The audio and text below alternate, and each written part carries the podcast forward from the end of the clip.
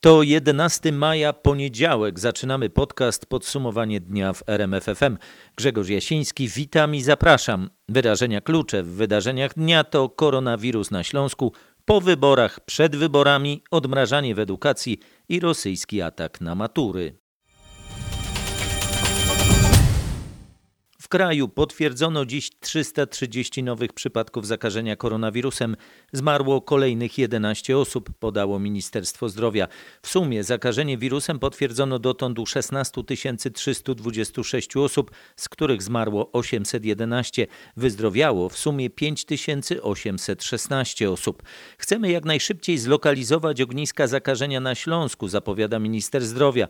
W ciągu ostatnich kilku dni większość nowych zachorowań na koronawirusa pojawia się właśnie w województwie śląskim. Dalsze kroki mają zależeć od wyników tysięcy testów przesiewowych, które są wykonywane od soboty. W niedzielę takich testów było ponad 5 tysięcy, w poniedziałek planowano zebrać kolejne 3 tysiące wymazów.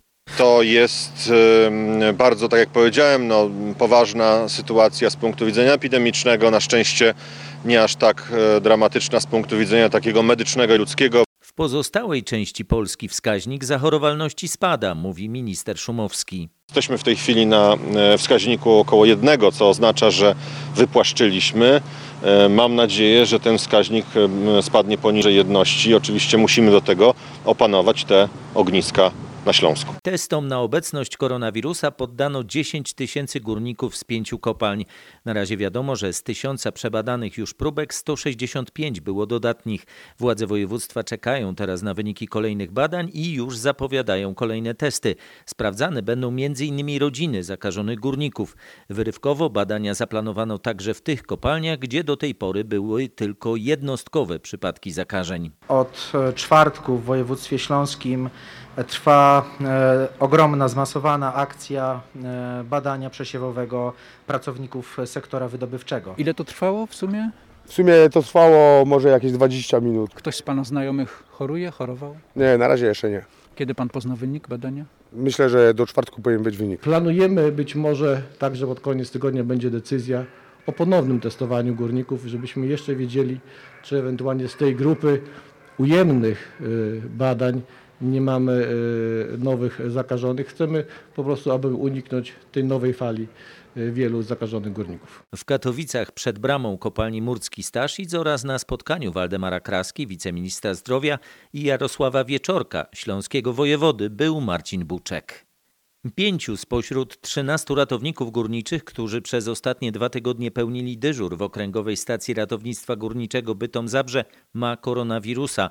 W okręgowych stacjach pracują ratownicy delegowani z kopalń.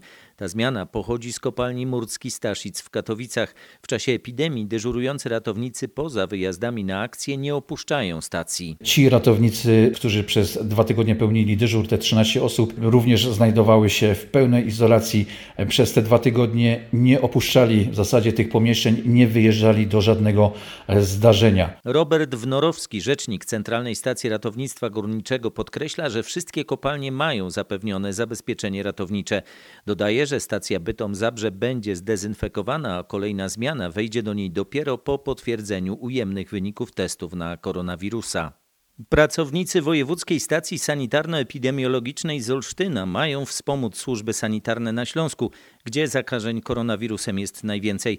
Rozważany jest wyjazd albo praca zdalna. Są jak gdyby dwie możliwości, albo bezpośrednio wsparcie na miejscu i wtedy jedzie od nas pewna ekipa, albo ewentualnie sugerujemy też takie rozwiązanie, biorąc pod uwagę ogromną ilość działań administracyjnych, które muszą być tam wykonywane, czyli no mówiąc w skrócie wydanie setek, jeśli nie tysięcy decyzji dla osób, które będą musiały się znaleźć w kwarantannie z tytułu kontaktu, to my równie dobrze możemy zdalnie pracować tutaj na rzecz e, województwa śląskiego, czyli przygotowywać te wszystkie dokumenty, jak my to zwykle mówimy, wysłać do chmury, a z chmury e, wojewódzka stacja czy powiatowe stacje w Katowicach wydrukują odpowiednie decyzje i tym sposobem odciążymy tamtych pracowników, bo najistotniejsze jest jednak mimo wszystko dochodzenie epidemiologiczne, które musi być wykonywane na miejscu. Z szefem warmińsko-mazurskiego sanepidu rozmawiał nasz reporter Piotr Bułakowski.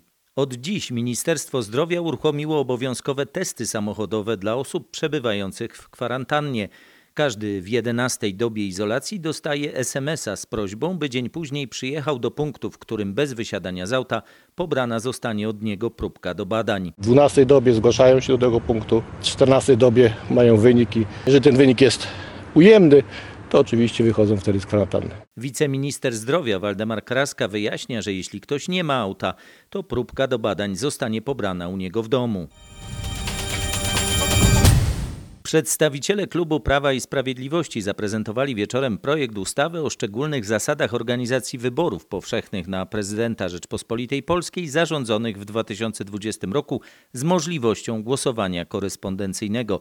Głosowanie będzie odbywać się w lokalach wyborczych, ale każdy, kto będzie chciał, będzie mógł wybrać sposób głosowania w trybie korespondencyjnym, mówił Przemysław Czarnek z PiS. Wszyscy, którzy w jakikolwiek sposób mogą się czuć zagrożeni, są zagrożeni koronawirusem, będą mogli głosować korespondencyjnie i to odpowiada tym wymogom pana ministra zdrowia Łukasza Szumowskiego. Projekt przywraca Państwowej Komisji Wyborczej rolę w przygotowaniu tego głosowania. Ustawa daje możliwość startu w wyborach dotychczasowym kandydatom bez potrzeby zbierania od nowa podpisów. Jeśli nie pojawią się nowi kandydaci, ustawa daje możliwość wykorzystania wydrukowanych już kart, jednak po akceptacji tych kart przez PKW. Jeśli pojawi się nowy kandydat, oczywiście będą musiały zostać wydrukowane nowe karty do głosowania. Dodała wicepremier Jadwiga Emilewicz. Wybory prezydenckie powinny się odbyć w maju przyszłego roku, ale ponieważ nie ma zgody na ich przesunięcie zgodnie z konstytucją, to Platforma Obywatelska złożyła w Sejmie projekt ustawy, mówił w popołudniowej rozmowie w RMFFM sekretarz generalny PO Marcin Kierwiński. Dziś złożyliśmy projekt ustawy, który dopuszcza zarówno głosowanie osobiste, jak i korespondencyjne, jak i głosowanie internetowe, o ile takie da się wprowadzić. Ten projekt jest całościową odpowiedzią na to, co dzieje się dzisiaj w naszym kraju. Opozycja proponuje m.in., żeby wyborcy do 15 dnia przed głosowaniem mogli zgłosić chęć głosowania korespondencyjnego.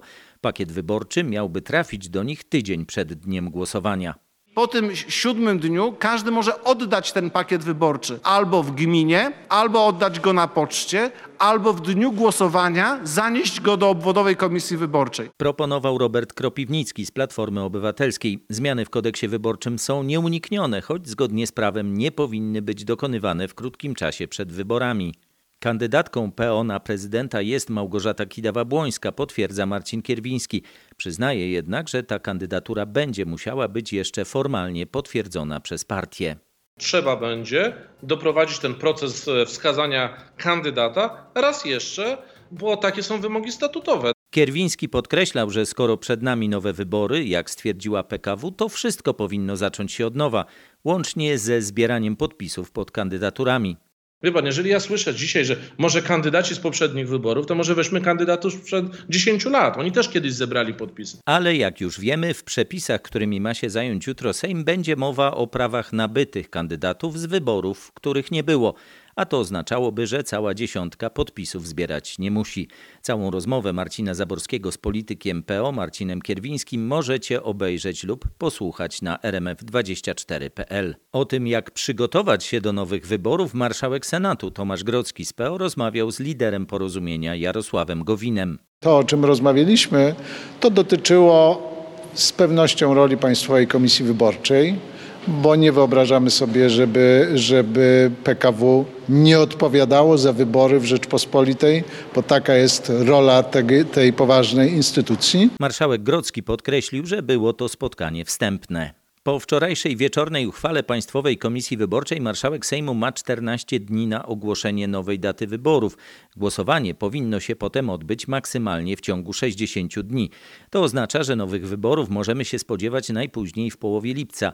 Walczący o reelekcję prezydent Andrzej Duda sytuacji nie komentuje, co ostro krytykuje Włodzimierz Czarzasty z Lewicy. Panie prezydencie, czy mógłby pan zrozumieć, na czym polega istota bycia prezydentem? Że ma się swoje zdanie zdanie, że ma się swoje poglądy. Jesteśmy w kompletnej próżni. Powinniśmy wiedzieć, kiedy będziemy mogli wybrać głowę państwa, mówi Szymon Hołownia. Przeszła niedziela, która miała być wyborczą i nie wiemy kiedy, nie wiemy jak, nie wiemy czy w ogóle będziemy w, mogli w wyborach uczestniczyć. Ten chaos jest generowany na potrzeby rządzących, dodaje Krzysztof Bosak. W tym chaosie łatwiej jest rozgrywać ludzkie emocje i w ten sposób budować wizerunek mężów stanu. Wybory się nie odbyły, gdyby jednak wyborcy mogli głosować, nie mielibyśmy rozstrzygnięcia w pierwszej turze, wynika z najnowszego sondażu Ibris dla Rzeczpospolitej. Chęć oddania głosu na Andrzeja Dudę deklaruje tam 45% badanych. Do drugiej tury przeszedłby też Szymon Hołownia. Według sondażu na byłego dziennikarza zagłosować chciałoby nieco ponad 19%. Na trzeci wynik 16,6% mógłby liczyć prezes PSL Władysław Kosiniak-Kamysz. Tuż za podium znalazłby się Krzysztof Bosak 9%. Mniej niż 5% w badaniu przypadło Małgorzacie Kidawie-Błońskiej z PO i Robertowi Biedroniowi z Lewicy. Politycznie najciekawszy bój dotyczy właśnie tego, kto będzie głównym kontrkandydatem Andrzeja Dudy. Co najciekawsze, w kampanii wyborczej na tym jej etapie to nie rywalizacja pomiędzy Andrzejem Dudą a innymi kandydatami, natomiast rywalizacja o status tego, kto będzie numerem dwa. Mówił w porannej rozmowie w RMFFM politolog Rafał Chwedoruk. Bez wielkich szans na przełom w Sądzie Najwyższym. Jutro od 10 już po raz trzeci spróbuje on ustalić po pierwsze sposób liczenia głosów podczas wyboru kandydatów na pierwszego prezesa, po drugie wreszcie wybrać kandydatów. Jak wynika z naszych informacji, dwie skonfliktowane grupy sędziów okopują się na swoich pozycjach. Starzy sędziowie, wybrani jeszcze przed zmianami PiSu w wymiarze sprawiedliwości, chcą tak liczyć głosy, by bez ich poparcia nikt nie mógł uzyskać statusu kandydata. Nowi, wybrani już po tych zmianach pod wodzą pełniącego obowiązki prezesa Kamila Zaradkiewicza, wręcz przeciwnie. To ważne, bo ostatecznego wyboru prezesa z pięciu wskazanych kandydatów dokona prezydent Andrzej Duda. I teraz starzy mówią, to Zaradkiewicz jest odpowiedzialny za ten pad i to od jego postawy wszystko zależy. Nowi też nie odpuszczają. Zarzucają starym blokowanie Sądu Najwyższego. Z moich rozmów z sędziami wynika, że na porozumienie nie ma co liczyć, choć do jutra do dziesiątej obie strony będą się jeszcze naradzać, co zrobić. Relacjonował Paweł Balinowski. Za serią fałszywych alarmów bombowych podczas zeszłorocznych egzaminów maturalnych stoją rosyjskie specsłużby. Jak dowiedzieli się reporterzy śledczy RMFFM Marek Balawajder i Krzysztof Zasada, takie są najważniejsze ustalenia polskich śledczych badających ten internetowy atak. Przypomnijmy, maile z groźbami dotarły do prawie 700 szkół. O tym, na jakiej podstawie śledczy wskazują na Rosjan, Krzysztof Zasada. Szczegółowe analizy połączeń internetowych, a także innymi dokładne badania treści maili z fałszywymi informacjami naprowadziły naszych ekspertów na serwery usytuowane w Sankt Petersburgu.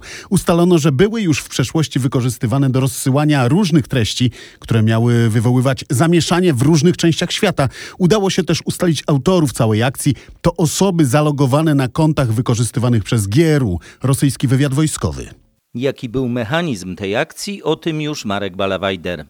Na rosyjskich kontach wykorzystywanych przez tamtejsze specsłużby pojawiły się komunikaty z fałszywymi alarmami. To było kilka charakterystycznych szablonów. Moderator namawiał internautów do rozsyłania ich do poszczególnych szkół, w których miały się odbyć matury. Resztę wykonali już nieświadomi, że działają dla Rosjan, internauci, którzy zainspirowani rozsyłali fałszywe informacje. Część alarmów wysyłane było też z automatycznych kont. To wyglądało jakby Rosjanie zrobili sobie u nas poligon działań hybrydowych. Usłyszeliśmy w naszych służbach. Ten cyberatak na zeszłoroczne matury wygląda na element działań hybrydowych Rosji przeciwko Polsce, mówi RMFFM były szef agencji wywiadu Grzegorz Małecki. Co Rosja może osiągnąć przez ten specyficzny atak? Po pierwsze, w takich działaniach chodzi o wprowadzenie chaosu w kluczowych dla państwa instytucjach. Po drugie, jak mówi nam Grzegorz Małecki, to testowanie polskich systemów cyberobrony. Dzięki temu testuje się zdolności nasze, identyfikuje się procedury reagowania, sprawność tych struktur, a przede wszystkim dojrzałość całego systemu. Specsłużby wykorzystują też tego rodzaju działania do odwracania uwagi od operacji prowadzonych y, w zupełnie innych, być może o wiele ważniejszych obszarach. Trzeba jednak zaznaczyć, że takie ataki to tylko element działań hybrydowych, na które składają się też między innymi oddziaływanie polityczne czy informacyjne, na przykład poprzez media. Ich istotą jest to, że one są realizowane poniżej progu wojny, progu konfliktu zbrojnego, prawda? W związku z tym nie możemy tego traktować w kategoriach agresji, powiedzmy, na państwo. Grzegorz Małecki twierdzi też, że wciąż nie jesteśmy w stanie w pełni wyprzedzająco zareagować na takie ataki. Tym bardziej, jak dodał, że Rosja to światowy lider w stosowaniu tego rodzaju technik oddziaływania. Relacjonowali Marek Balawajder i Krzysztof Zasada. Straż Graniczna po interwencji reportera RMFFM obiecuje poprawę sytuacji kierowców busów na przejściach granicznych. Otrzymaliśmy wiele telefonów z informacjami, że na niektórych przejściach przewoźnicy są kierowani wbrew przepisom na kwarantannę. Pani rzecznik e, Straży Granicznej wypowiedziała się jasno, że kierowcy busów, którzy wożą osoby, też są zwolnieni z kwarantanny. Mamy problem na Kołbaskowie, nie chcą przepuścić kierowcy. Nasz reporter Michał Dobrołowicz interweniował w tej sprawie.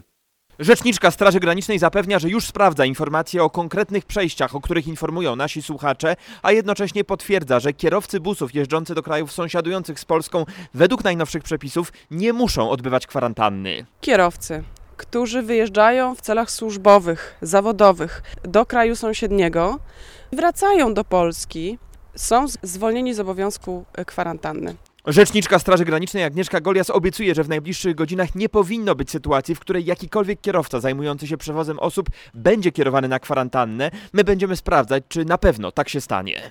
Interweniował i relacjonował Michał Dobrołowicz. Harmonogram i warunki powrotu do szkół przedstawi premier, zapewnia minister edukacji. Stopniowe odmrażanie edukacji zaczęło się od przedszkoli i żłobków. W piątek działało ponad 2000 przedszkoli, w których opieką objętych było kilkanaście tysięcy dzieci, zapewnia szef resortu edukacji. Ministerstwo nie informuje jeszcze, kiedy powrót do szkół będzie możliwy. Pytany o warunki sanitarne w szkołach, minister poinformował, że w przypadku najmłodszych dzieci te wymogi będą podobne jak w przedszkolach. Jeżeli przebywają w swojej sali, to ani mm, te dzieci, ani nauczyciele nie są zobowiązani do tego, aby zakładać maseczki czy e, inne przedmioty, które zasłaniałyby usta oraz nos. Mówi minister Dariusz Piątkowski. Za kilka dni Centralna Komisja Egzaminacyjna ma przedstawić rozporządzenie w sprawie warunków egzaminów maturalnego i ósmoklasisty. Miejskie żłobki i przedszkola w Olsztynie zostaną otwarte najwcześniej w przyszłym tygodniu.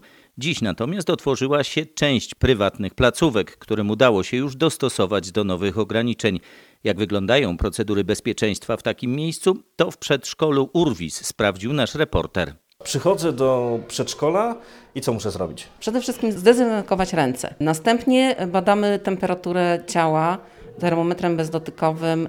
Rodzic podpisuje oświadczenie, że dziecko jest zdrowe, nie kaszle, nie ma duszności, nie ma gorączki, nie miało kontaktu z osobami na kwarantannie, ani samo nie jest na kwarantannie, ponieważ no, my tego nie wiemy. Jednorazowo do szatni ile osób może wejść? No my policzyliśmy, że czworo rodziców z dzieckiem. Do tego chociażby widzę częsta dezynfekcja podłóg. Podłogi, klamki, drzwi, wyłączniki domofony, to wszystko jest prawie co pół godziny dezynfekowane. Z Danutą Wojciechowską, dyrektorką przedszkola Urwis w Olsztynie rozmawiał Piotr Bułakowski. Niektóre żłobki i przedszkola wznowiły już pracę we Wrocławiu, Będzinie, Raciborzu i Lublinie. Obawy są. Oczywiście, że się boimy, bo jest to związane z ogromną odpowiedzialnością za zdrowie dzieci, za zdrowie ich rodziców, ich dziadków. Oczywiście obawiamy się też o bezpieczeństwo naszych nauczycieli, bo bardzo ciężko jest zachować dystans między nauczycielem a dzieckiem. One są nauczone po prostu, tak? Że do pani na kolanka się przychodzi, pani przytuli, pogłaszcze, tak? Dokładnie tak, szczególnie pocieszy, jeżeli ciężko się rozstać z rodzicem albo są jakieś smuteczki, to bardzo ciężko będzie tak pocieszyć na odległość. To, tego się obawiamy również. Mówi w rozmowie z Krzysztofem Kotem Aneta Maj, dyrektorka przedszkola Zacisze w Lublinie. Niejasne i potencjalnie niebezpieczne to reakcja na wczorajsze przemówienie premiera Wielkiej Brytanii zapowiadające stopniowe wychodzenie z epidemii koronawirusa, co w przemówieniu Borysa Johnsona wywołało najwięcej kontrowersji. Chodzi o zmianę zaleceń, które dotychczas nakazywały pozostanie w domu, a teraz aktywnie zachęcają Brytyjczyków, by wracali do pracy. Regionalne władze w Cardiff, Edynburgu i Belfaście kompletnie nie zgadzają się z tym przekazem. Ich zdaniem za wcześnie na takie decyzje. Wczorajsze przemówienie premiera wywołało więcej pytań niż dało odpowiedzi, bo od dziś można na przykład przynajmniej teoretycznie zacząć odmrażać pewne gałęzie gospodarki, ale nadal nie wolno spotykać się z szerszą rodziną. Do pracy trzeba będzie dojechać, ale rząd nie chce, by Brytyjczycy korzystali z publicznych środków transportu.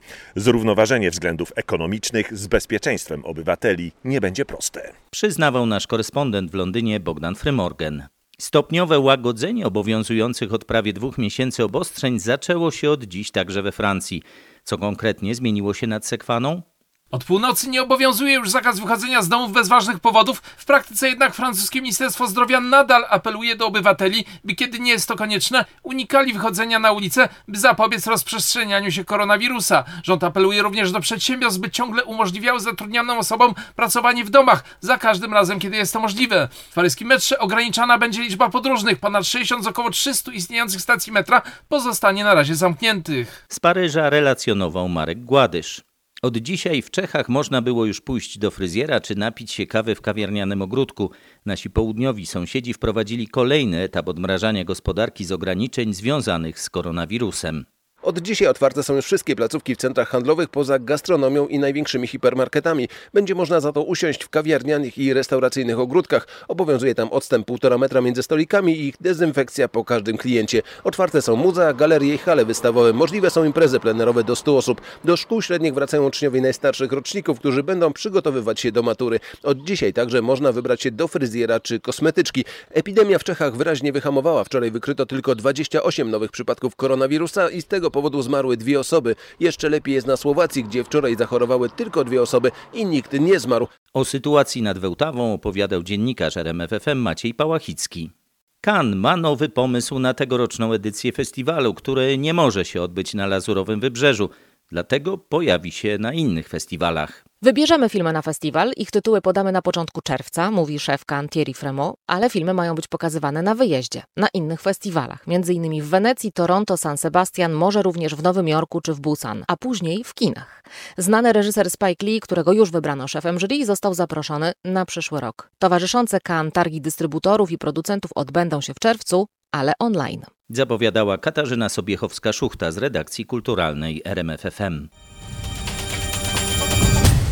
Zmiany w kursowaniu komunikacji miejskiej w Krakowie. Od dziś na ulicach pojawiło się więcej autobusów. Staramy się optymalnie zarządzać ilością pojazdów, które są dostępne. Wciąż obowiązują limity, które narzucają e, maksymalną liczbę pasażerów. Musimy każdą złotówkę wydawaną na, na transport zbiorowy przemyśleć trzy razy, tak żeby to było efektywne. Dlatego te zmiany będą następowały na bieżąco, praktycznie co tydzień, co dwa. Jak dodaje Łukasz Franek, dyrektor Zarządu Transportu Publicznego w Krakowie, od środy zmieni się rozkład jazdy tramwajów.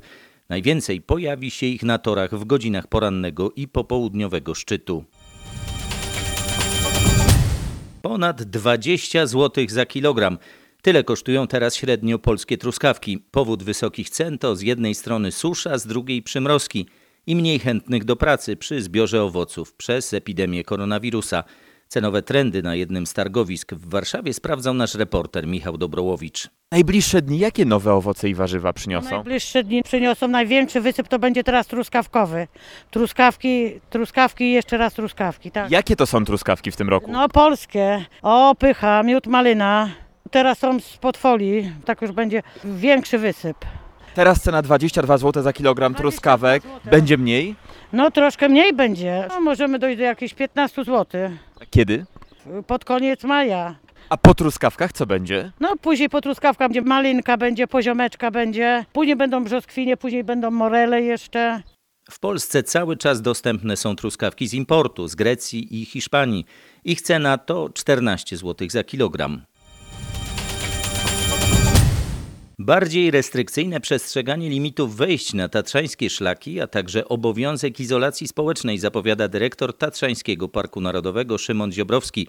Pierwszy weekend, kiedy znów turyści mogli poruszać się swobodnie po Tatrach, pokazał, że nie są przestrzegane podstawowe zasady bezpieczeństwa. Niestety obserwacje, jeżeli chodzi o zachowania turystów, nie napawają optymizmem. Turyści gromadzą się, siedzą wspólnie przy ławostołach. To, co budzi nasze największe zaniepokojenie, zresztą potwierdza to policja, to jest kwestia przestrzegania obowiązku noszenia maseczek. I o ile nie ma takiego obowiązku na szlakach turystycznych, to już ten obowiązek istnieje zarówno na parkingach, jak i punktach sprzedaży biletów. Nas to niepokoi z tego powodu, ponieważ znamy przypadki z Europy, gdzie właśnie takie miasteczka turystyczne jak Zakopane były ogniskiem zachorowań. Także zakopiańska policja zapowiada bardziej rygorystyczne sprawdzanie zasłaniania twarzy. Z obserwacji wynika, że nawet 90% turystów go nie przestrzega.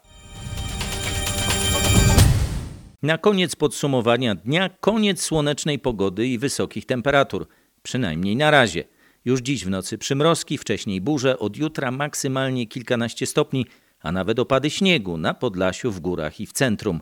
Taka sytuacja tak naprawdę z tym chłodniejszym powietrzem będzie utrzymywać się przynajmniej do piątku. Dopiero w sobotę y, obserwujemy napływ cieplejszej masy powietrza y, z temperaturami, y, które na termometrach będą wskazywały ponad 20 stopni. Teraz przez cały tydzień te temperatury będą od 12 do około 16 stopni. Tłumaczy Grzegorz Walijewski z IMGW. Jak dodaje synoptyk, takie wahania w maju nie są niczym nadzwyczajnym. Uważajmy jednak na siebie. Na tym kończymy dzisiejszy podcast Podsumowanie dnia w RMFFM. Na kolejny zapraszam jutro. Grzegorz Jasiński, dziękuję i dobrej nocy.